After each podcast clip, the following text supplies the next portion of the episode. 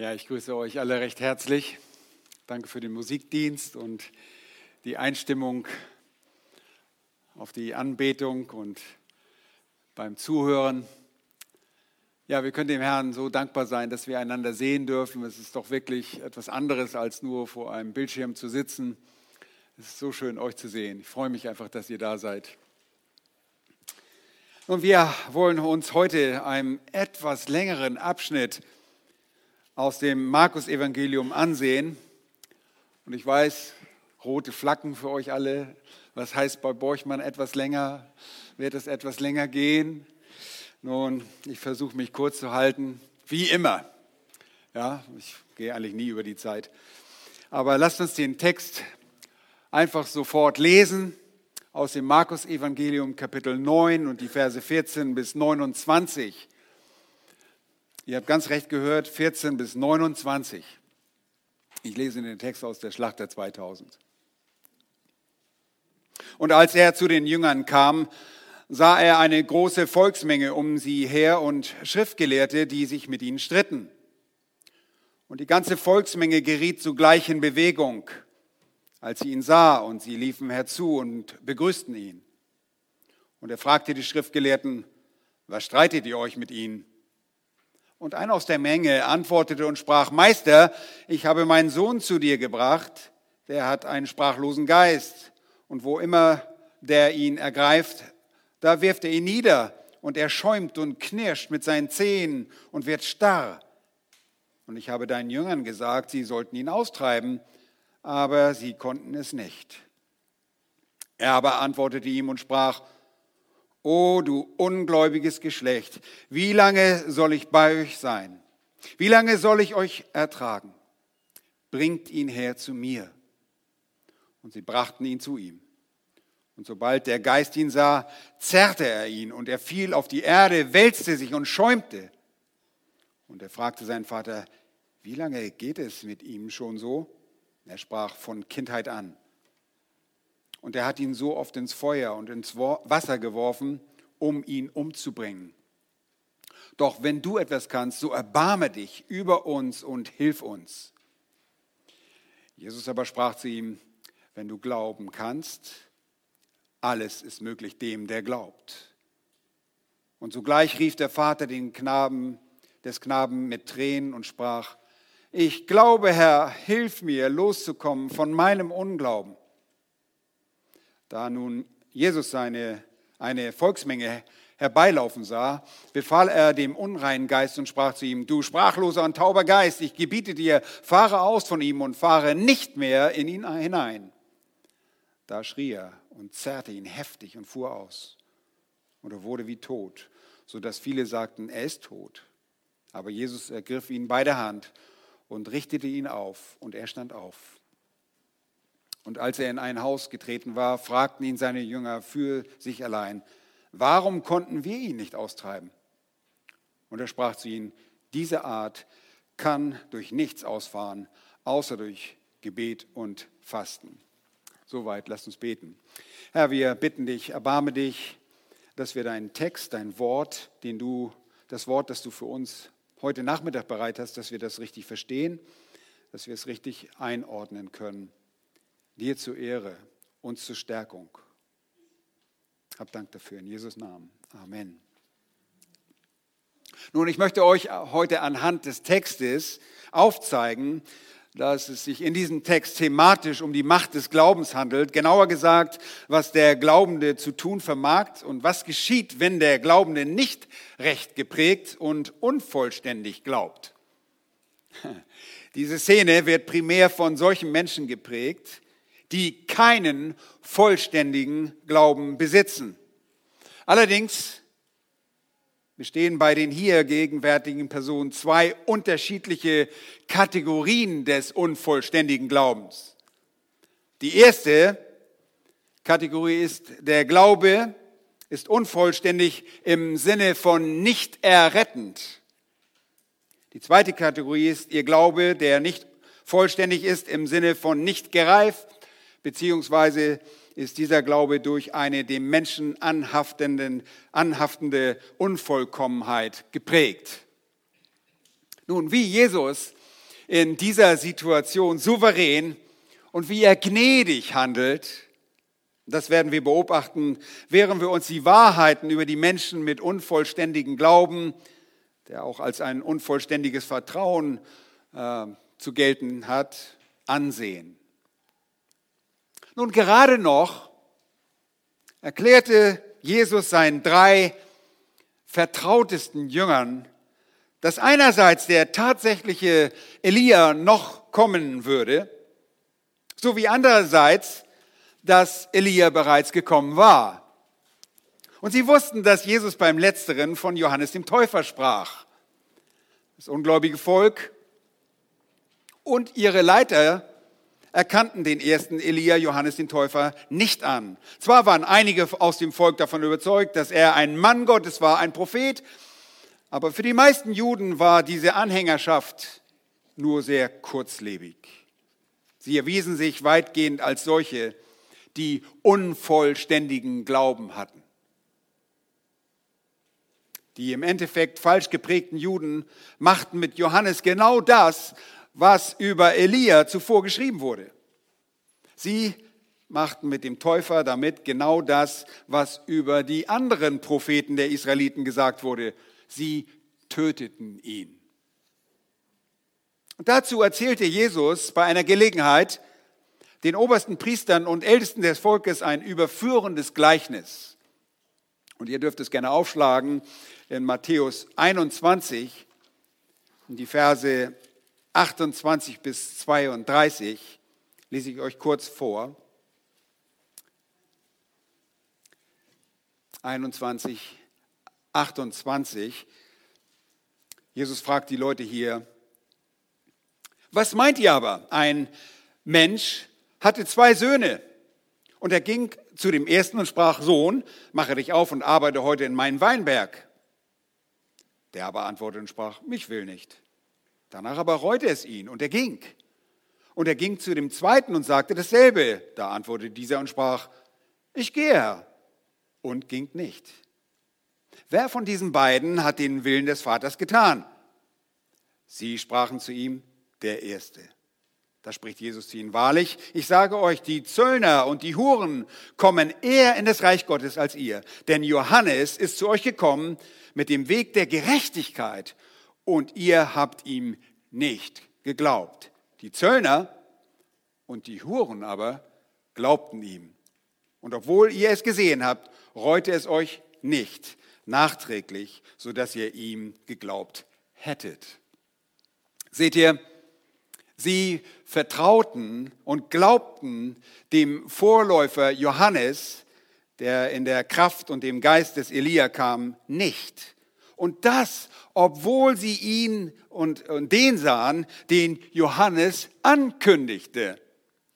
Dem Elia ihrer Zeit, und ihr wisst jetzt, dass Jesus in der zweiten Hälfte seiner Belehrung über Elia wirklich über Johannes spricht, ihm glaubten sie nicht, dort in Vers 13, Kapitel 9.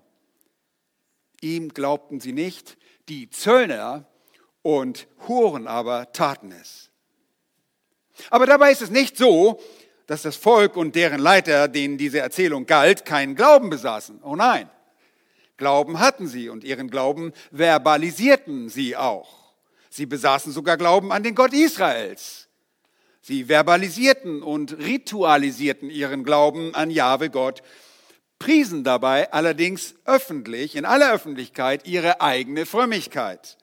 Sie legten äh, auf deren äußerliche und sichtbare Darstellung sehr viel wert. Innerlich aber waren sie total verdorben. Sie hatten Glauben, aber ihr Glaube war unvollkommen und glich einem Unglauben. Es fehlte etwas Wesentliches. Und wir haben das schon in dem Abschnitt davor beobachtet. Sie erwarteten Elia im Zusammenhang mit einem einmaligen Erscheinen des Gesalbten. Ihr Glaube war so unvollkommen, dass er überhaupt nichts in Hinsicht auf ihre Rettung bewirkte. Ihr Glaube war unvollkommen und fehlerhaft und mit kräftigen Irrtümern übersät, weil sie geistlich blind waren. Sie erkannten und vertrauten Christus nicht. Sie vertrauten dem Sohn des lebendigen Gottes nicht. Sie lehnten ihn ab. Und so war ihr Glaube unvollkommen in Bezug auf die Gerechtigkeit Gottes, denn sie klammerten Christus aus, den auch Johannes angekündigt hatte. Paulus schreibt im Römerbrief, und Sam wird sicherlich auch bald dahin kommen, zu den Juden, und über den Juden, von den Juden schreibt er, denn weil sie die Gerechtigkeit Gottes nicht erkennen und ihre eigene Gerechtigkeit aufzurichten trachten, haben sie sich der Gerechtigkeit Gottes nicht unterworfen. Denn Christus ist das Ende des Gesetzes zur Gerechtigkeit für jeden, der glaubt. Sie hatten ein Problem. Sie waren im Hinblick auf Christus ungläubig und versuchten ihre eigene Gerechtigkeit aufzurichten und waren von daher in einem unvollkommenen Glauben verhaftet, der fatale Konsequenzen hatte und Verderben ihrer Seelen nach sich zog. Aber sie blieben nicht nur geistlich tot, sondern wurden sogar zu den Peinigern und Mördern des Christus. Sie töteten den Fürst des Lebens. Schaut einmal auf das, was die religiösen Leiter des Volkes taten und was sie dabei fragten. In Lukas Kapitel 22, Lukas 22 sehen wir das. Sie taten genau das, was Jesus seinen Jüngern zuvor mehrfach ankündigte. Lukas 22 und Vers 66 und Vers 67 heißt es, und als es Tag geworden war, versammelten sich die Ältesten des Volkes, die obersten Priester und Schriftgelehrten und führten ihn vor ihren hohen Rat. Und sie sprachen, bist du der Christus? Sag es uns. Er aber sprach zu ihnen, wenn ich es euch sagte, so würdet ihr es mir nicht glauben. Und ihr wisst genau, was daraus wurde. Christus stirbt gemäß seiner Verheißung, seiner eigenen Verheißung. Sie glaubten ihm nicht und hatten nicht erkannt, was die Jünger erkannt hatten, nämlich, dass Jesus der Christus, der, lebendig, der Sohn des lebendigen Gottes ist. Nur eine Person unter den Zwölfen war genau wie sie durch diesen tödlichen Unglauben gekennzeichnet. Ihr wisst schon, wen ich meine. Und Johannes 6, Vers 64 lesen wir von dem Hinweis Jesu. Dort sagt er, aber es sind etliche unter euch, die nicht glauben. Denn Jesus wusste von Anfang an, wer die waren, die nicht glaubten und wer ihn verraten würde. Diese Worte dort richtete Jesus an den großen, an den erweiterten Jüngernkreis über die zwölf Jünger hinaus, von denen sich einige dann zwei Verse später auch von Jesus trennten, sodass diese Jünger ihm nicht mehr nachfolgten. Nun, in unserem Text heute Nachmittag lesen wir nun von einer Geschichte, in der Jesus zwar wiederum seine Macht über einen bösen Geist, einen Dämon, unter Beweis stellt, aber die Hauptabsicht von Johannes Markus, der unter der Leitung des Heiligen Geistes schreibt, liegt nicht darin zu zeigen, dass Jesus diese Macht besitzt. Das durften wir schon zuvor in ausreichender Weise beobachten sogar wie Jesus über Dämonen, Plural, ja sogar Legionen von Dämonen triumphierte. Und wir wissen, wie er noch immer über sie herrscht. Markus möchte in seinem Text vielmehr aufzeigen, dass auf dem Leidensweg Jesu, auf dem Weg nach Jerusalem immer noch und fortwährend unvollständiger Glaube anzutreffen und dieser bei allen vorhanden ist. Bei allen. Dieser unvollständige Glaube drückt sich unterschiedlich aus und hat auch unterschiedliche Schweregrade, einen unterschiedlichen Schweregrad. Dieser unvollständige Glaube ist nicht nur in den religiösen Feinden Christi zu finden, obwohl dort in einer besonderen Qualität, sondern auch bei seinen anvertrauten, seinen vertrauten Nachfolgern ist dieser unvollständige Glaube präsent. Und wir konzentrieren uns deshalb bei gleichzeitiger Beachtung der Geschehnisse auf die kennzeichnenden Wahrheiten derer, die einen solchen unvollständigen Glauben aufweisen. Dieser Abschnitt dient zur Belehrung von Jüngern, nämlich, dass Glauben und Vertrauen für jeden Jünger Jesu von allergrößter Bedeutung ist.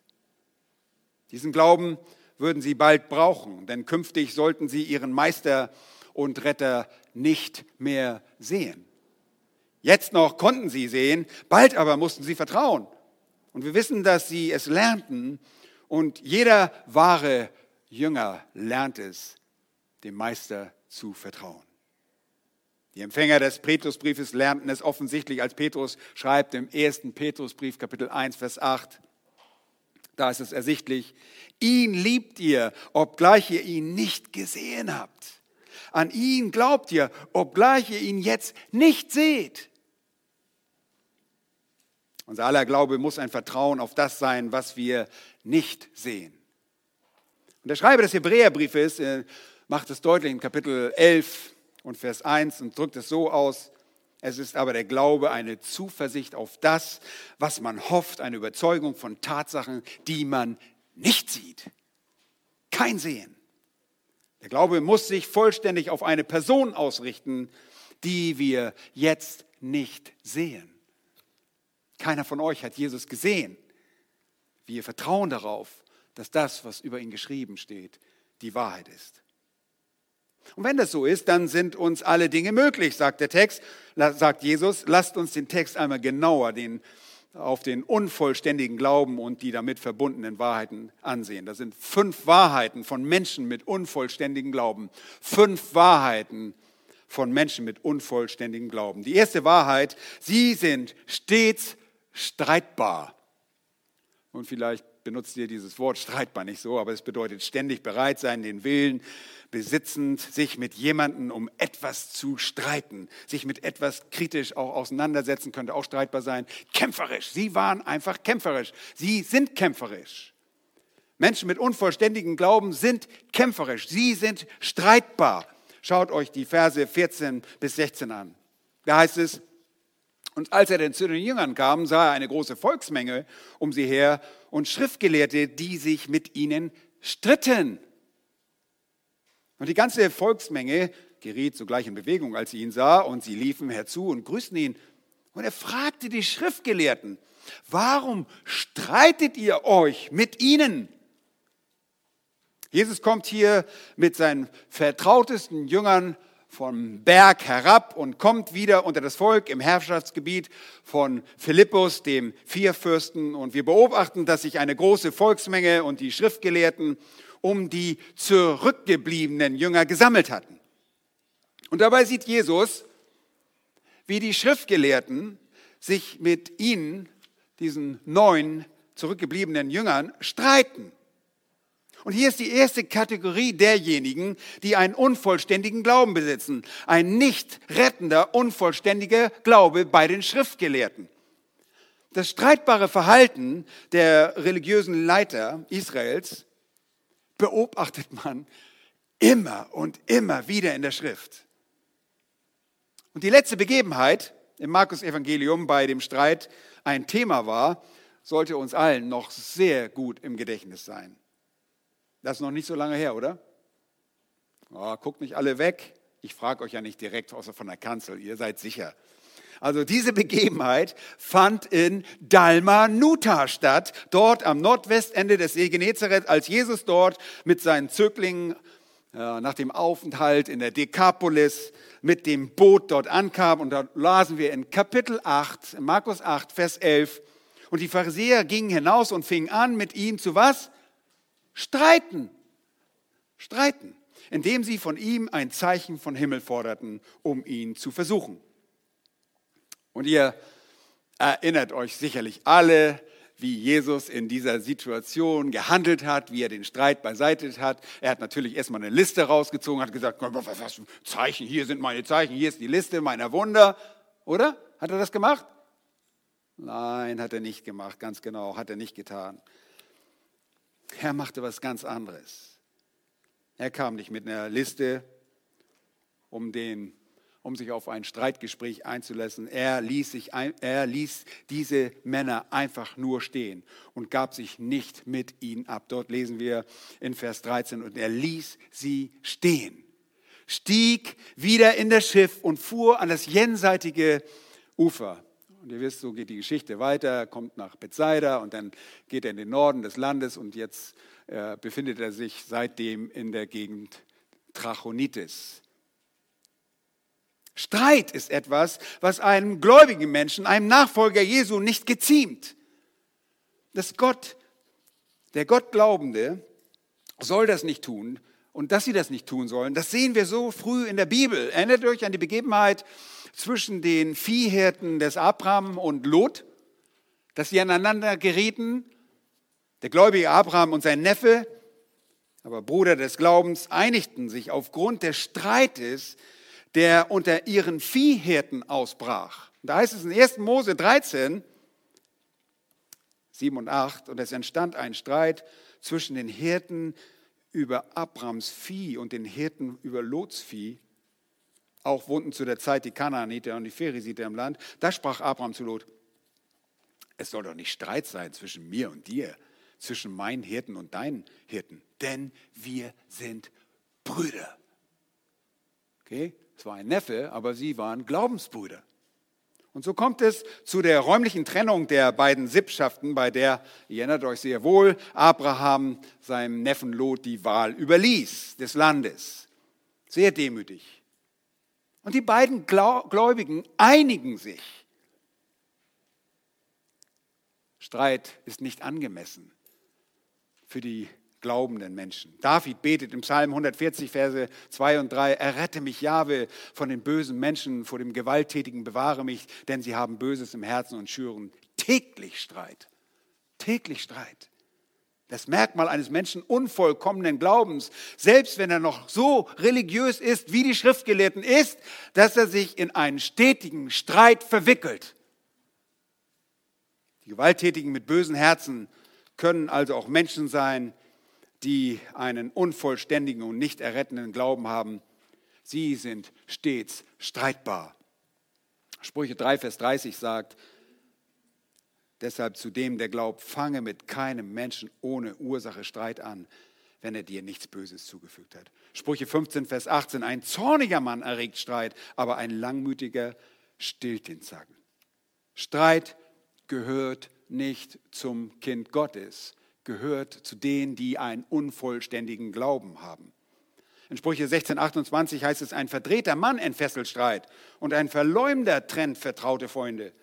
Sprüche 18, Vers 6, die Reden des Toren stiftet Streit und er schimpft, bis er Schläge kriegt.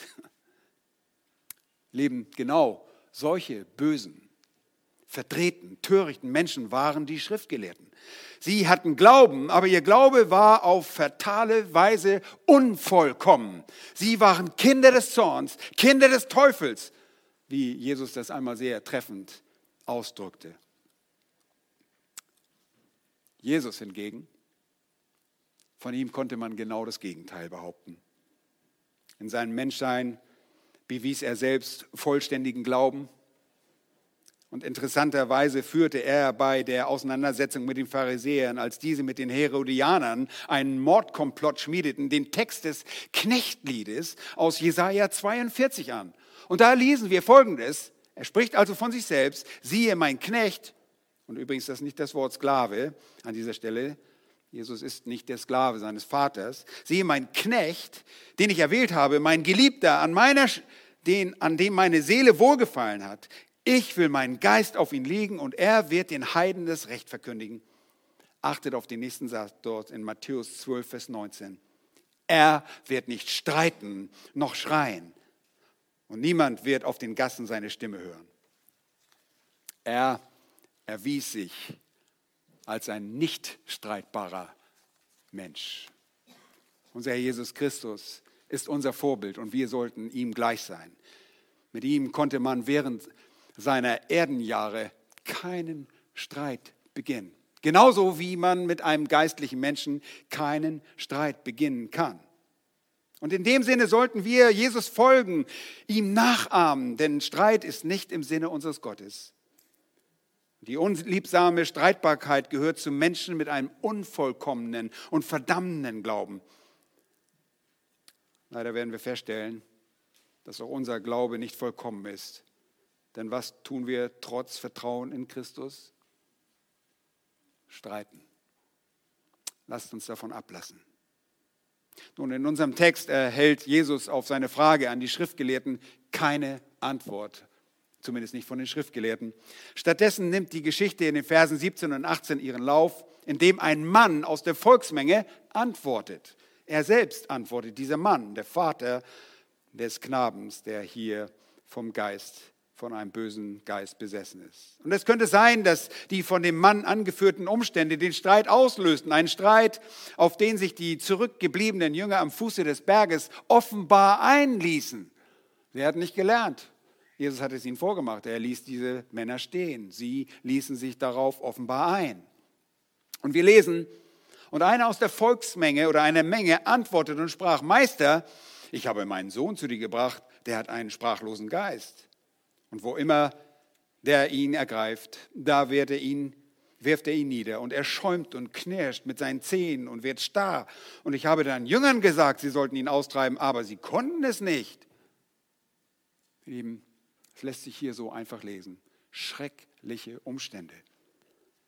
Mit diesen Ausführungen des Vaters, dieses gequälten Jungen, kommen wir zu der zweiten Wahrheit über Menschen mit unvollkommenen Glauben. Erstens, Menschen sind streitbar und zweitens, sie sind schwer zu ertragen. Sie sind schwer zu ertragen. Vers 19 heißt es, Jesus aber, er aber antwortete ihm und sprach, O du ungläubiges Geschlecht, wie lange soll ich bei euch sein? Wie lange soll ich euch ertragen? Bringt ihn her zu mir. Nun, diese Umstände in der Gegend von Caesarea von Philippi erinnern ein wenig an das, was Jahwe Gott zuvor mit dem Volk nach der Befreiung aus Ägypten durchmachte. Da heißt es im Psalm 95, Vers 10 und 11, bringt der Psalmist die Empfindungen Gottes über einen ähnlichen, unvollkommenen Glauben des Volkes zu jener Zeit zum Ausdruck. Und da spricht Jahwe, 40 Jahre empfand ich Ekel vor diesem Geschlecht. Und ich sprach, sie sind ein Volk, das in seinem Herzen in die Irre geht. Und sie haben meine Wege nicht erkannt, so dass ich schwor in meinem Zorn, sie sollen nicht in meine Ruhe eingehen. Nun, Jesus erlebt hier in der Situation am Fuße des Berges, der nun als heilig deklariert wurde, was ihn an die Zeit der Wüstenwanderung hätte erinnern können, als er selbst noch in der Herrlichkeit des Vaters war und das Volk Israel durch die Wüste irrte und er es begleitete. In unserem Abschnitt bringt er seine Verzweiflung nicht nur über die Jünger zum Ausdruck, sondern sieht sich veranlasst, das ganze ungläubige Geschlecht zu schelten. Und er spricht damit alle Kategorien unvollständigen Glaubens an. Und er bringt zum Ausdruck, wie schwierig diese Umstände für ihn als wahrer Gott und wahrer Mensch waren. Der Heilige Israels in einer Gesellschaft unheiliger Menschen inmitten eines ehebrecherischen, verkehrten Geschlechts, das einem unvollkommenen Glauben anhing. Und auf Jesu Frage, und Jesu Frage ist als eine rhetorische Frage zu werten, die zum Ausdruck bringt, dass die andauernde Gegenwart in der Welt von Sündern ein großes Opfer war. Er, der Sündlose, nahm auch das auf sich, um uns zu erlösen. Preis den Herrn. Und das wäre sicherlich ein guter Punkt, das lange auszuführen. Ich muss hier weiter. Wir haben gerade begonnen, die geschichtlichen Ereignisse anzusehen, aber lass sie uns noch einmal genauer beobachten und dabei auf die dritte Wahrheit über Menschen mit einem unvollständigen Glauben zu Herzen nehmen. Erstens, sie sind streitbar. Zweitens, sie sind schwer zu ertragen. Und drittens, sie sind unbrauchbar im Dienst. Schaut mal einmal die Verse 17 und 18 zunächst. Und einer aus der Menge antwortete und sprach, Meister, ich habe meinen Sohn zu dir gebracht. Der hat einen sprachlosen Geist und wo immer der ihn ergreift, da wirft er ihn nieder und schäumt und knirscht mit seinen Zehen und wird starr. Und ich habe deinen Jüngern gesagt, sie sollten ihn austreiben, aber sie konnten es nicht. Und dann noch Vers 28 zum Ende. Und als er in ein Haus, als Jesus in ein Haus getreten war, fragten ihn seine Jünger für sich allein, warum konnten wir ihn nicht austreiben? Sie sehen ihre Unfähigkeit. Und ich erwähnte schon, dass es vielleicht die Unfähigkeit der Jünger war, die den Streit zwischen den Schriftgelehrten und Jesu Nachfolgern ausgelöst hatte. Und man kann das ein bisschen nachvollziehen, dass es besonders schwierig für die Jünger war, denn der Vater hatte ihnen seinen Knaben anvertraut und sagt, hier, macht mal. Vielleicht hatten sie aktiv dazu beigetragen, dass der Vater zu ihnen kam. Nun mussten sie allerdings und alle Anwesenden feststellen, dass diese Nachfolger des Christus nichts an dem Zustand des gequälten, dieses leidenden Knaben ändern konnten. Vielleicht hatten die Jünger die Situation herausgefordert und geprahlt und haben gesagt, ha, das haben wir schon, sowas haben wir, das, ist eine, das machen wir mit links, sowas, solche Leute auszutreiben. Das haben wir schon. Wir haben schon richtige Erfahrung. Ich erinnere mich an Leute im Rettungsdienst, die einen ein, ein, ein, Einsatz gefahren haben und eine Schwangere, einer Schwangeren geholfen haben, ein Baby zu entbinden. Und die, die waren so großkotzig hinterher, dass sie gesagt haben, oh, wir können Kinder entbinden. So ähnlich sind sie vielleicht hier. Und sie verließen sich wahrscheinlich auf ihre Erfahrungen, die bei der Sendung durch Jesus zuvor mit Besessenen gemacht hatten. Und jetzt? Es geht nichts. Es geht nichts. Versagen auf ganzer Linie. Sie haben einen besessenen Knaben vor sich, der die Symptome eines epileptischen Anfalls aufweist und sie können nichts machen. Eine Fehlanzeige inkompetenter Nachfolger Jesu. Und das war sicher auch ein Grund, warum Jesus seiner Verzweiflung Ausdruck verlieh. Die Jünger, die für den Dienst nicht bereit waren. Das Elend eines jungen Knaben in einem solchen Zustand mitzuerleben, ist in der Tat keine schöne Erfahrung, die der Vater seit der frühesten Kindheit an an seinem Sohn mit durchlitt. Und diese Situation offenbarte die komplette Hilflosigkeit der Menschen. Und zwar der Menschen, die unvollständigen Glauben besaßen. Die Jünger in diesem Fall, alle anderen kamen ohnehin nicht als Helfer oder Retter in Frage.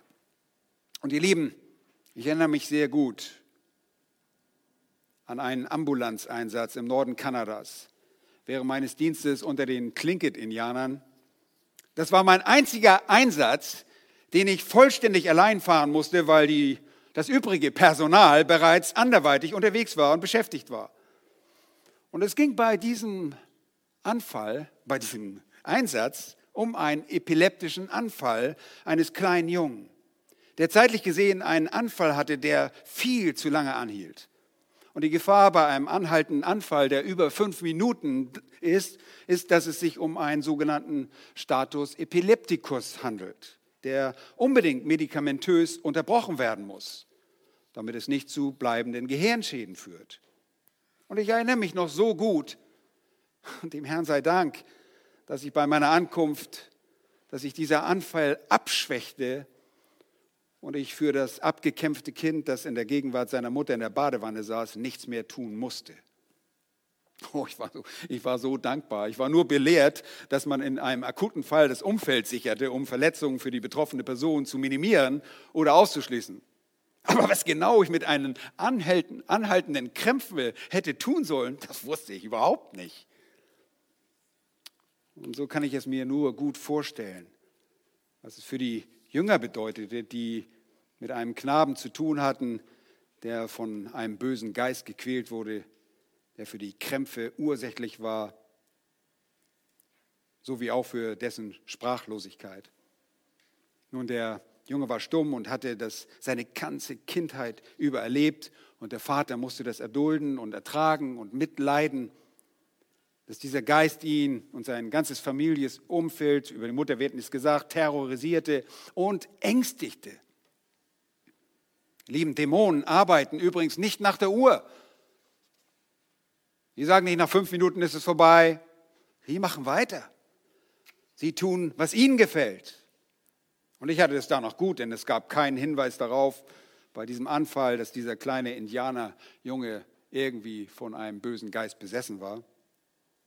Letztlich können wir das heutzutage aber nie mit Gewissheit sagen, ob jemand besessen ist denn es ist nicht im Bereich unserer Berufung, Dämonen zu finden, sie zu analysieren, kategorisieren oder gar diese auszutreiben. Das ist etwas, was uns nicht zusteht und auch überflüssig ist, wenn Menschen zum Glauben kommen. Hier aber sehen wir die Absicht aller Dämonen. Schaut mal in den Text auch. Es ist die Absicht ihres Führers, des Teufels, zu töten. Daniel hat das vorhin schon erwähnt im Vorprogramm. Und hier werden die Angriffe des Dämonen gegen den Jungen ersichtlich. Diese Absicht zeigt sich. Und der Vater drückt sie in Vers 22 richtig aus und er sagt, er, der böse Geist, hat ihn, den Knaben, oft ins Feuer und ins Wasser geworfen, um ihn umzubringen. Die Absicht des Teufels ist Tötung von Anfang an. Und so auch die Diener, die Lakaien des Teufels. Der Tod, ja der ewige Tod ist das ausgesprochene Ziel aller finsteren Mächte. Nun, die Tragödie der Jünger dabei ist, sie haben nur unvollständigen Glauben und sind deshalb nicht in der Lage, dem Vater und dem Kind zu dienen. Und dabei hatten sie Jesus, durch Jesus, Bevollmächtigung gehalten. Sie hatten die Vollmacht. Schon zuvor hatte er sie bevollmächtigt, diese Werke der Dämonenaustreibung zu tun. Sie hatten die Vollmacht über die Dämonen von ihrem Meister selbst erhalten.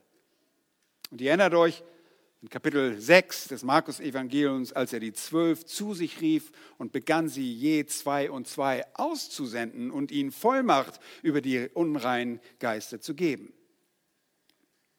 Nachzulesen dort in Markus 6, Vers 7. Und nur wenige später lesen wir, Verse später lesen wir in Vers 12 und 13, und sie gingen und verkündigten, man solle Buße tun und trieben viele Dämonen aus und salbten viele Kranke mit Öl und heilten sie.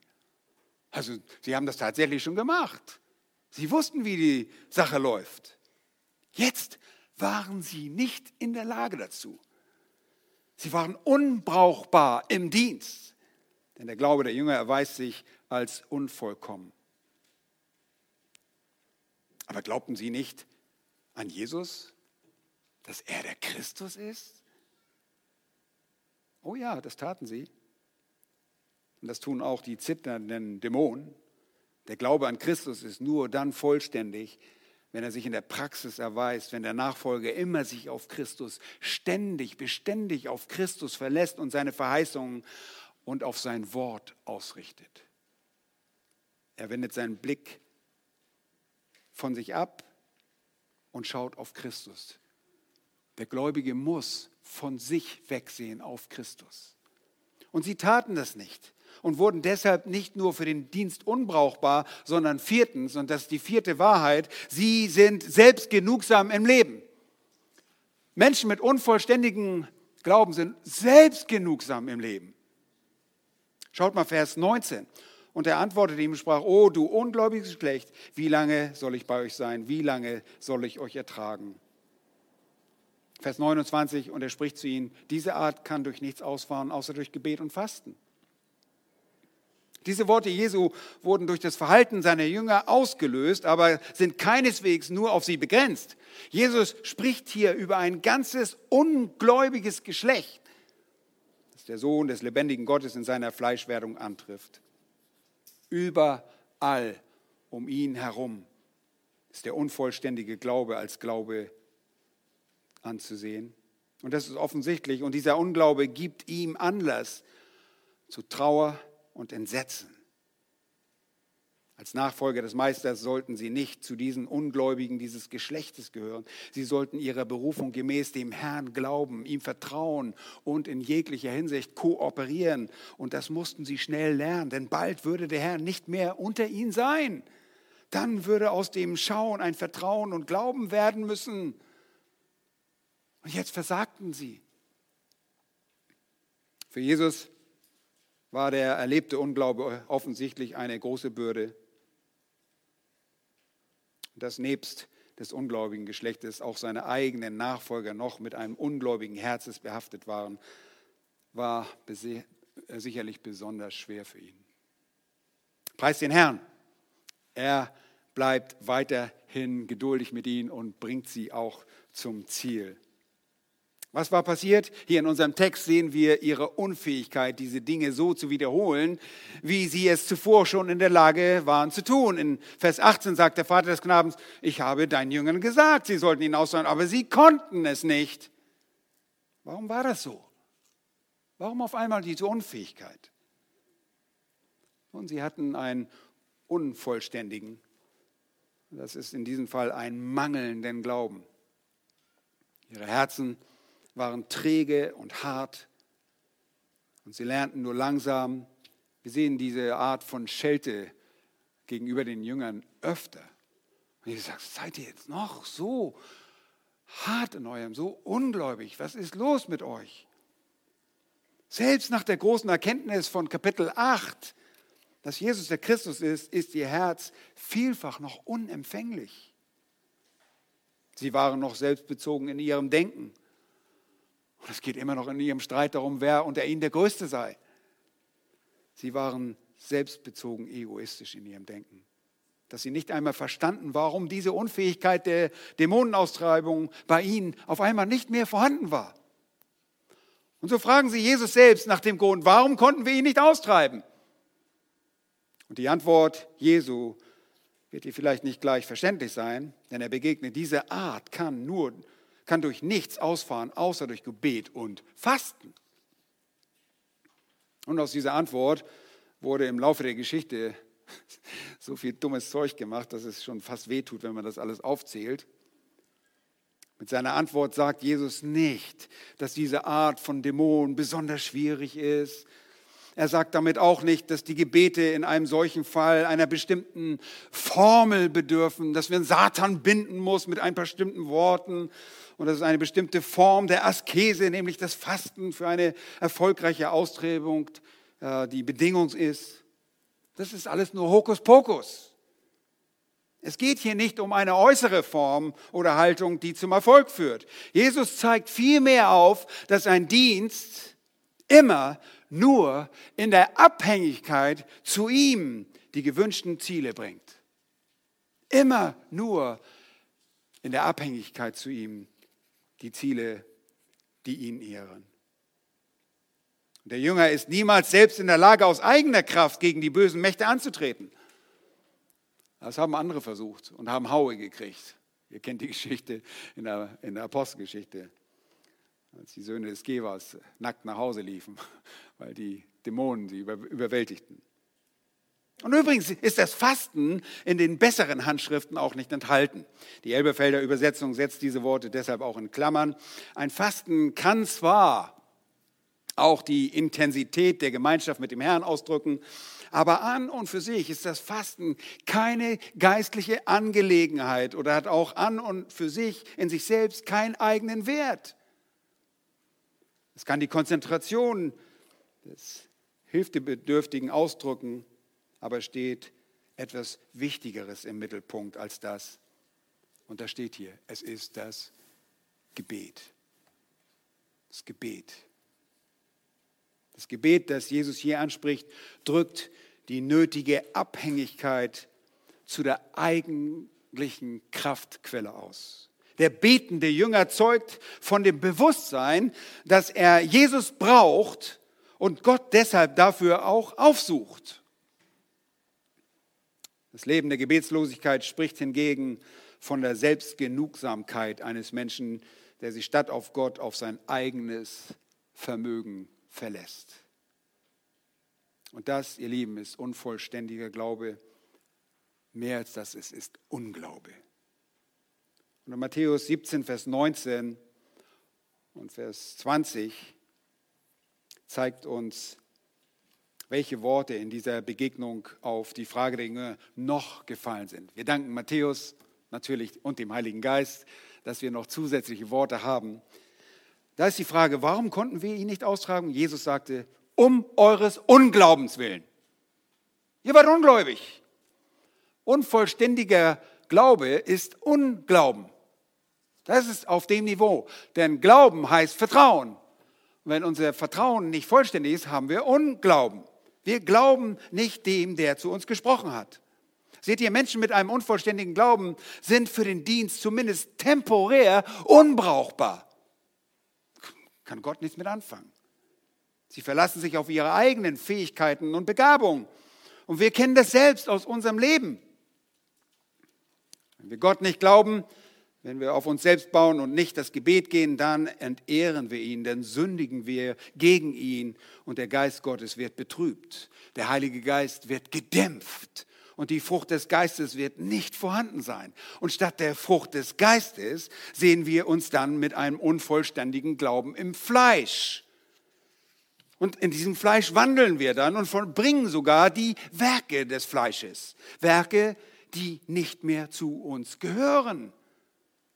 Und Paulus schreibt in Galater 5 von den Symptomen dieses unvollständigen Glaubens. Und da heißt es, offenbar sind die Werke des Fleisches, welche sind Ehebruch, Unzucht, Unreinheit, Zügellosigkeit, Götzendienst, Zauberei, Feindschaft, Streit, Eifersucht, Zorn und Zwietracht, Parteiung, Neid, Mord, Trunkenheit, Gelage und dergleichen, wovon ich euch sage, wie ich schon zuvor gesagt habe, dass die, welche solche Dinge tun, das Reich Gottes nicht erben werden.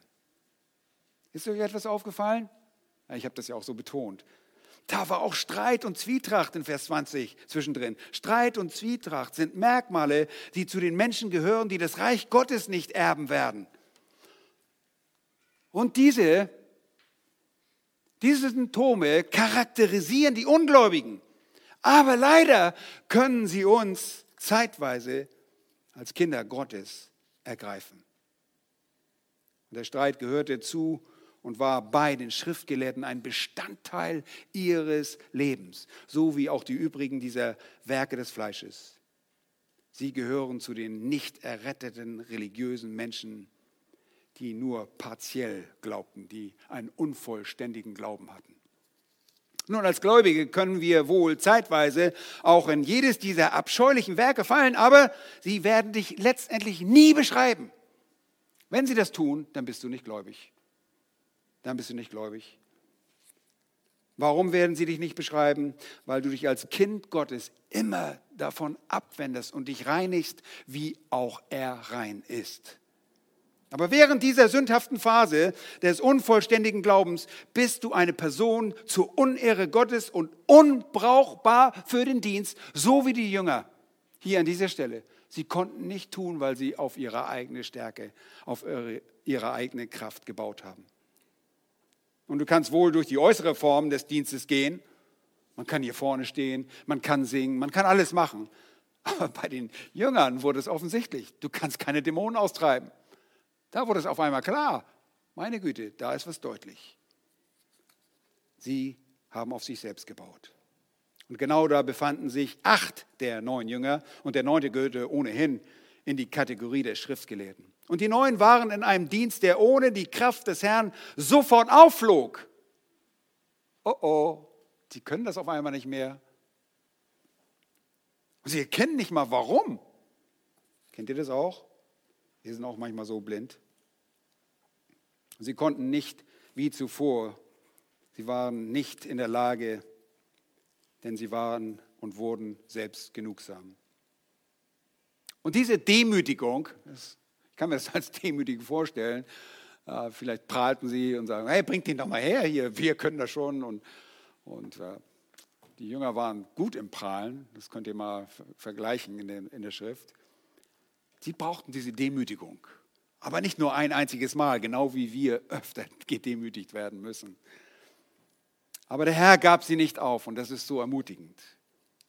Und lasst uns so auch zu dem Schluss und eigentlich zu dem, nicht nur eigentlich, zu dem wichtigsten Teil dieser Wahrheit kommen, die uns alle letztlich ermutigen wird. Menschen mit unvollständigem Glauben sind streitbar, sie sind schwer zu ertragen, sie sind unbrauchbar an Dienst, sie sind selbst genug, aber sie sind, fünftens, und werden durch Einsicht zum Objekt der Barmherzigkeit Gottes.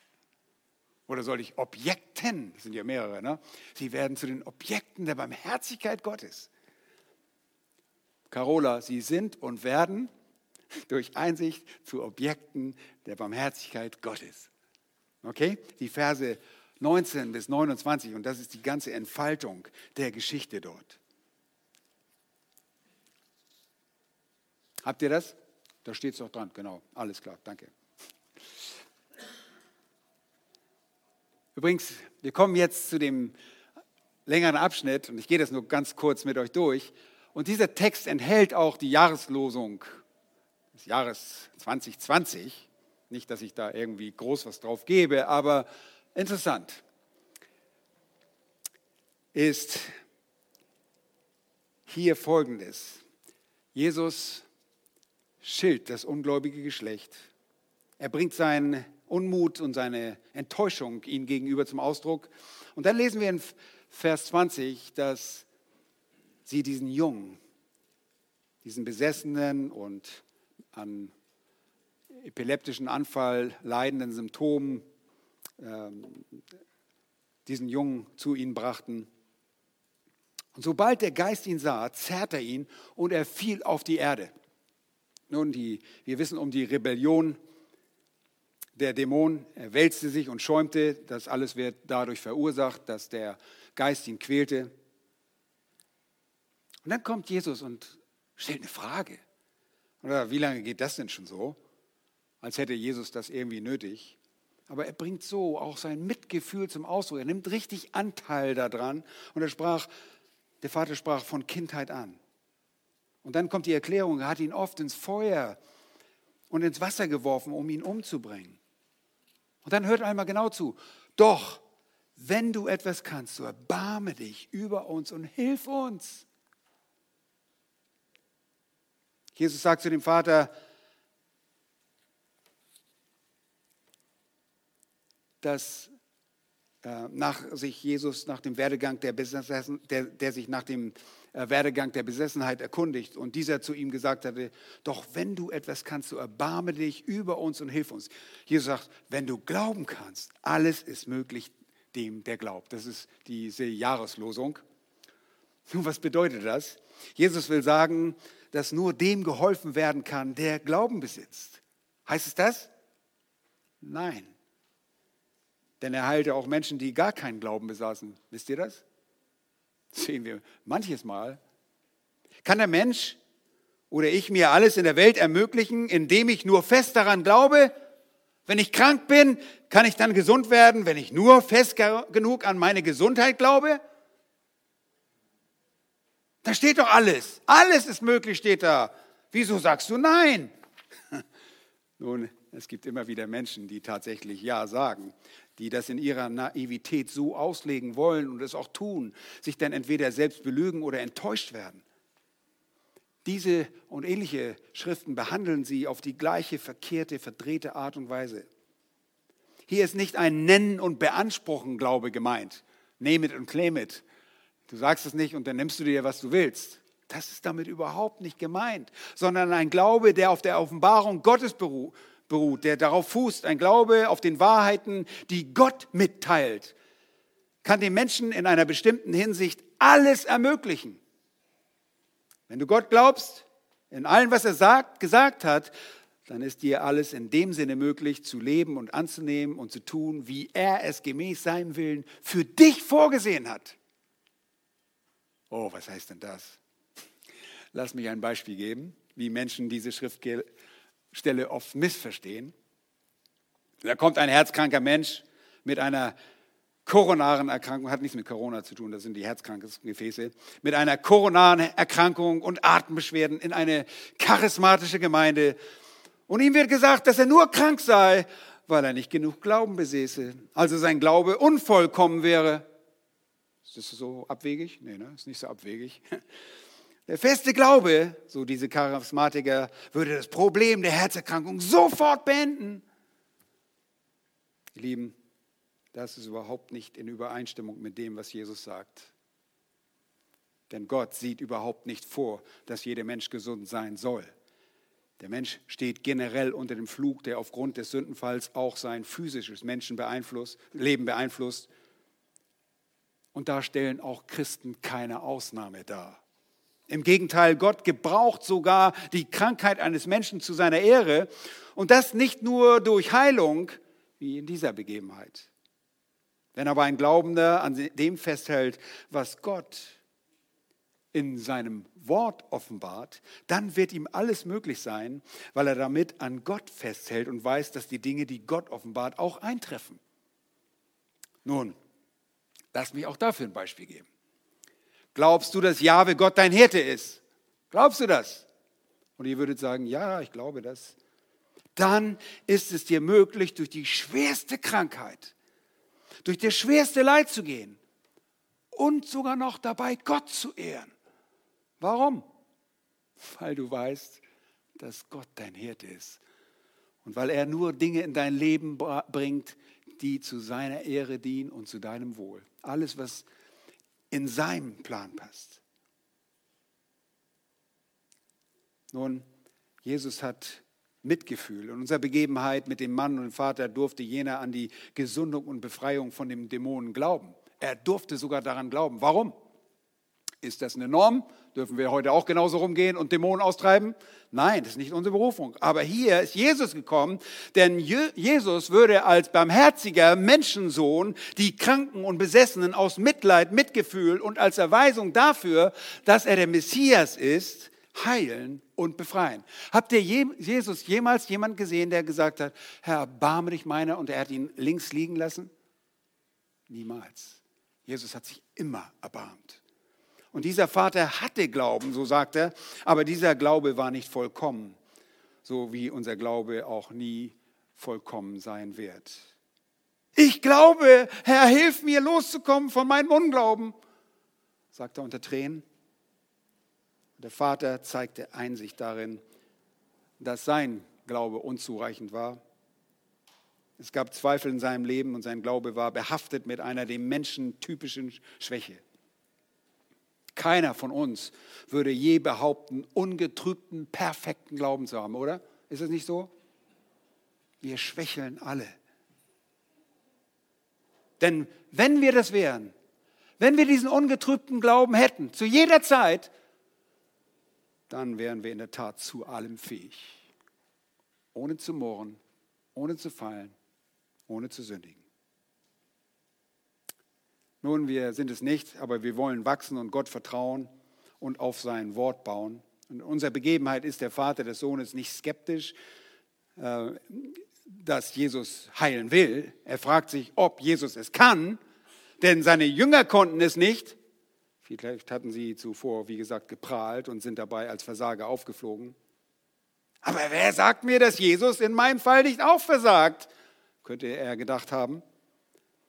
Zwar hatte der Vater bestimmt viele Geschichten gehört, aber ob das auch für ihn selbst, für seinen eigenen Sohn so gehen könnte? Ist immer ein bisschen schwieriger für sich selbst zu glauben, oder? Wir können immer für andere viel besser glauben. Ist euch das mal aufgefallen? Wir können den anderen sagen, ach, glaub mal da dran und es geht. schon. Aber wenn du dann selbst dran bist, ist es immer schwieriger. Aber wie erfreulich, dass der Herr Jesus sich erbarmt. Er weiß um die Schwäche und er heilt den Sohn und erbarmt sich auch weiterhin der Jünger. Er lässt nicht die Jünger fallen und sagt so, das war's jetzt. Tonne auf, rein damit, weg.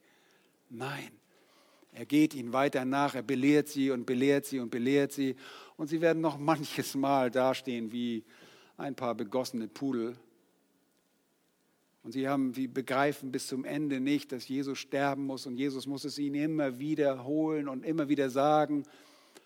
Und erst durch die Verleihung des Geistes zu Pfingsten werden ihnen die Augen geöffnet und sie lernen und sie lernen rapide, sehr schnell und werden kräftig und mächtig im Wort und der Verkündigung und auch im Glauben und sind bereit für ihren Meister zu sterben.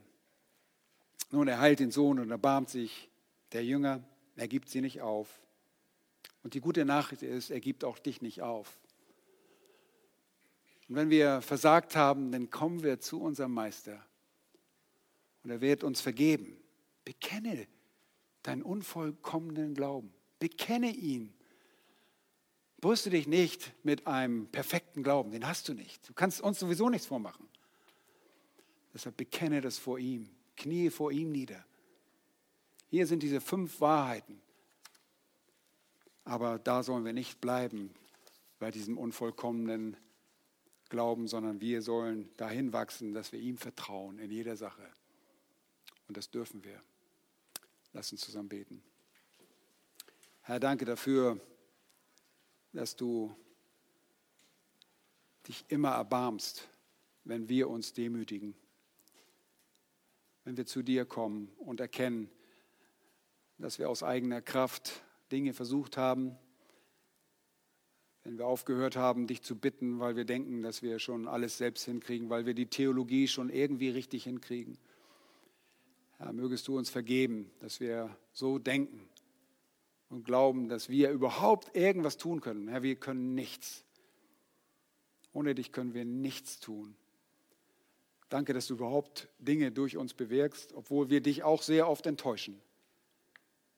Herr, danke, dass wir dir auch Freude bereiten dürfen, wenn wir umkehren und Buße tun. Und es gibt immer auch Freude im Himmel über solche, die Buße tun. Herr, wenn jemand umkehrt von seinem Weg, den Weg, den die Schriftgelehrten beschritten, die dich nicht anerkannten, wir beten, Herr, dass wenn jetzt jemand zuhört oder hier ist, der dich nicht kennt, dass er sich öffnet und dich annimmt als den, Retter dieser Welt, der kommen sollte, um für Sünder und für Menschen unvollkommenen Glaubens zu sterben, das Strafgericht auf sich zu nehmen, auf das wir Frieden hätten. Danke für deine große Gnade und Barmherzigkeit, die sich auch in diesem Text offenbart hat und dass du den Dämonen nicht nur ausgetrieben hast, sondern ihm auch nicht mehr erlaubt hast, zurückzukehren. Herr, danke dafür, dass du vollständig und gnädig bist, auch in unserem Leben. Und dass die Unvollständigkeit nur auf unserer Seite zu suchen ist. Danke für diesen Text. In Jesu Namen. Amen.